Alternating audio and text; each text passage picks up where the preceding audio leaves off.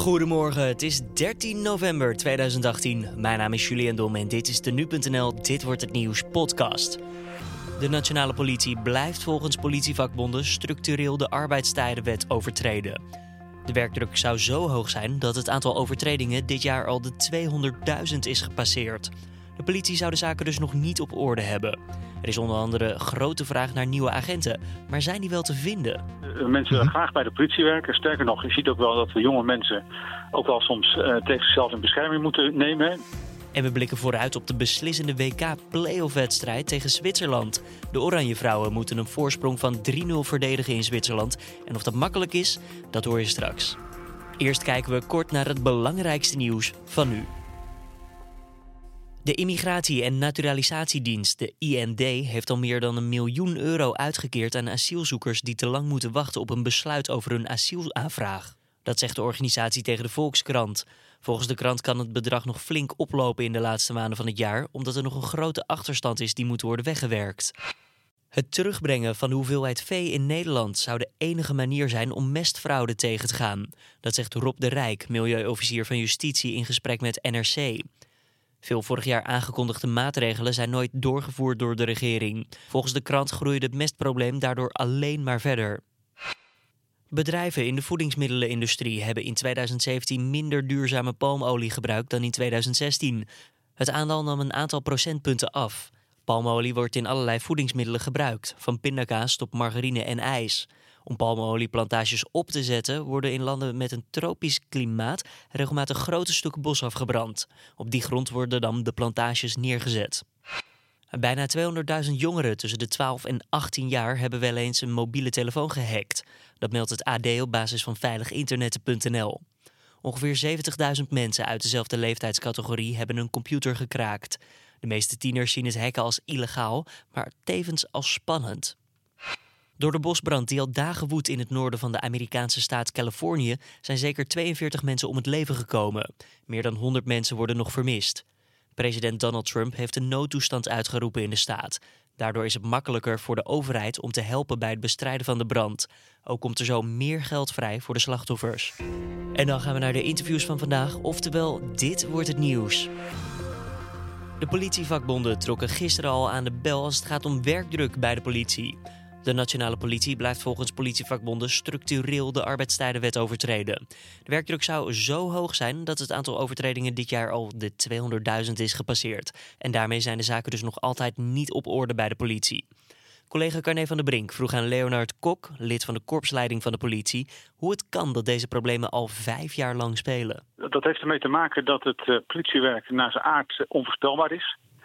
En ook al worden de roosters gewoon gemaakt op een manier die keurig past eh, binnen de arbeidstijdenwet, uh, gebeuren toch dingen uh, waardoor uiteindelijk er sprake is van overtredingen van die arbeidstijdenwet. dat heeft te maken met onvoorspelbaarheid van het werkaanbod. dat er dingen gebeuren die niet voorzien waren. En het heeft er ook mee te maken dat er opeens mensen ziek kunnen zijn of anderszins privéomstandigheden hebben waardoor ze niet kunnen werken. En dan zie je dus dat de capaciteit van de politie zo uh, beperkt is dat er geen uh, vet op de botten is om dat op te kunnen vangen. En dan leidt dat dus tot overtredingen van die uh, arbeidstijdenwet. Ja, onder andere is het, het daar het zaak inderdaad bij dat je een vergrijzing te maken hebt. En ook een jongere garde die nu vol in opkomst is. Uh, ja, volgens de vakbond wordt er nadrukkelijk ook een beroep gedaan op de jongere agenten. Denk hierbij aan de nachtdiensten, waar de oudere garden van zijn vrijgesteld. Worden de jongere agenten niet dan te zwaar belast? Nou, ouderen die, die kunnen vragen om vrijstellingen van de, van de nachtdienst. Mm er zijn ook heel veel ouderen die dat nog steeds gewoon uh, doen. En de komende zeven jaar vertrekken er 14.000 collega's. Dat zijn van een heel groot deel ook mensen die met pensioen gaan. En dat betekent inderdaad dat er sprake is van een verjonging. En dat betekent ook dat die nachtdiensten uiteindelijk in de toekomst door een steeds grotere groep gedragen kunnen worden. En dat is op zich een positieve ontwikkeling. Ja, want die vergrijzing is wel een probleem op dit moment aan het worden. De, de, de stroming die eruit gaat en die er ook eigenlijk weer bij moet komen, toch? Nou, het is een, ook weer een, een kans, hè, want het biedt ons de gelegenheid om dus nieuwe mensen aan te nemen. Waardoor dus de pool van de mensen waar je gebruik van kan maken om ook die nachtdiensten te, uh, te draaien, steeds groter wordt. Mm -hmm. Er is natuurlijk ook een nieuwe CAO aangenomen. Die, dat, die werd in uh, september afgesloten. Daarin is opgenomen dat op korte termijn afspraken moeten worden gemaakt uh, om deze werkdruk weg te nemen. Hoe, ver zijn jullie met deze nieuwe afspraken? Nou, de, de, inkt van de CEO is net droog, hè, dus we staan nu met elkaar bezig om plannen te maken hoe gaan we dat precies doen. Die CEO gaat over, over veel meer dan alleen over die, die mhm. werkdruk. En om die werkdruk te, uh, te, reduceren zijn ook andere dingen van belang die niet in de CEO staan. Hè. Dus eh, de besluitvorming uh, in het kabinet om extra mensen aan, bij de politie beschikbaar te stellen. De prachtig aantal hè, van 1111. Dat is ook iets wat echt een bijdrage moet leveren aan het reduceren van de werkdruk. En ook het reduceren van de, van de roosterdruk. En eigenlijk dat ook, moet dat ook echt daar een substantiële bijdrage aan gaan leveren. Als het over de CO gaat, dan is van belang uh, dat we gaan kijken naar roostersystemen. Door mensen ook meer zelf te betrekken bij het, bij het roosteren. Uh, dat moet gaan, gaan, uh, gaan helpen. Mm -hmm. En we kijken ook, en dat is, dat is eigenlijk wel weer specifiek voor de politie, um, uh, omdat wij zelf ook, ook als, als korpsleiding veilig en gezond werk heel erg belang, belangrijk vinden, of we niet een aanvullende afspraak zouden moeten maken om te voorkomen dat mensen die op zich keurig binnen de ATW blijven, maar die wel te maken krijgen met de cumulatie van nachtdiensten, cumulatie van weekenddiensten, piket. Uh, door daar een sociaal maximum aan te uh, verbinden, dat als dat maximum overschreden wordt, dat er ook een soort compensatie weer uh, plaatsvindt. Dat is een hele afspraak die we in de nieuwe CO gemaakt hebben. Ja, en in, ja, dit is de CO die dus september afgesloten is met, met elkaar. Um, daar is een akkoord op gekomen. En in juni dit jaar nog presenteerden jullie ook een meerjarenplan om dit probleem te bestrijden en nog meer problemen. Ehm, eh, ja, hoe, wat zou je eigenlijk tegen al die handhavers willen zeggen die met dit probleem willen kampen? Ehm, nog heel even geduld? Nou ja, kijk, het vraagstuk van uh, de, de ATW-overschrijding is inderdaad niet van vandaag of uh, gisteren. Nee. En ik zie dat daar op zich ook wel, wel zeer goede stappen in gezet worden. Hè. Dus het aantal overtredingen dat is uh, vier per uh, operationele medewerker. Dat zijn er vier te veel. Mm -hmm. uh, maar dat waren er vijf jaar geleden waren dat er nog zo'n acht per medewerker. Hè. Dus we zetten daar echt stappen in de goede richting. Ja. We hebben een aantal dingen ook zeer recent ingevoerd. dat is ook in, in, in onze informatiesystemen dat helder wordt, zowel voor leidinggevenden als medewerkers, wat er aan de hand is, hè, hoe dat zit met, het, met overtredingen, ook de relatie naar, naar beschikbare capaciteit toe. Uh, voor medewerkers ook. Dat als ze uh, registreren in hun eigen uh, tijdsbijhoudssysteem, dienstenbijhoudssysteem, dat ze dan zien, hé, hey, ik maak een, heb een overtreding van de arbeidstijdenwet. Dat is ook erg belangrijk, hè, dat, dat het bewustzijn daarin vergroot wordt. En zo zetten we echt iedere keer, iedere keer stappen in de goede richting. Maar weegt dat niet op tegen je. Maar weegt dat niet op tegen je eigen moreel kompas? Want ja, te veel uren op papier, dat is iets anders dan. Ja, er zijn niet andere collega's die mij werk even op dit moment kunnen overnemen. Ja, maar het gaat niet om, alleen maar om te veel uren. Hè? Want overwerk als zodanig is iets wat gewoon keurig kan. Hè? Wat helemaal niet in strijd hoeft te zijn met de arbeidstijdenwet. Mm Arbeidstijdenwet gaat uiteindelijk om de, dat je voldoende rust hebt. Tussen diensten bijvoorbeeld. Hè, aan maximering van het aantal nachtdiensten. Uh, pauzes. Uh, ja, pauzes kan, uh, kan ook wel. Dat volgens mij wel weer keurig doen. Mm -hmm. en ook als je kijkt naar de, naar de, inspecties die de arbeidsinspectie bij onszelf ook doet. Hè, dan, dan is het echt niet alleen maar, alleen maar geklaagd. Er zijn ook eenheden die het gewoon keurig voor elkaar hebben. Uh, en tegelijkertijd, we zijn er nog niet, hè, dat zei ik al. Hè, die vier gemiddeld per medewerker, dat moet echt nog verder terug. En met, met wat we nu doen, uh, dus die informatie beter op peil hebben, registratiesysteem op orde, capaciteitsuitbreiding, meer jonge medewerkers erbij, ben ik er wel van overtuigd dat die overtredingen ook de komende jaren verder minder zullen worden. Ja, en die nieuwe, nieuwe agenten, nieuwe medewerkers die erbij moeten komen, um, zit dat dan niet gelijk dit soort berichten dan in de weg? ja, je kan zeggen, dit schikt misschien nieuwe agenten af.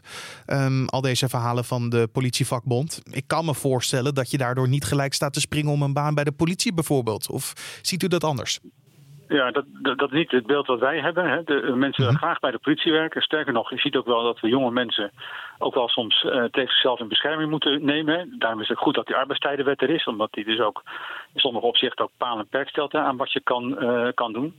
Uh, want uiteindelijk gaat het om dat iemand die bij de politie veilig en gezond wil werken, dat niet alleen maar kan doen als hij begint, maar dat ook een lange, jaar, lange reeks van jaren kan blijven doen. En, en die arbeidstijdenwet die moet er ook bij helpen om dat mogelijk te maken. Mm -hmm.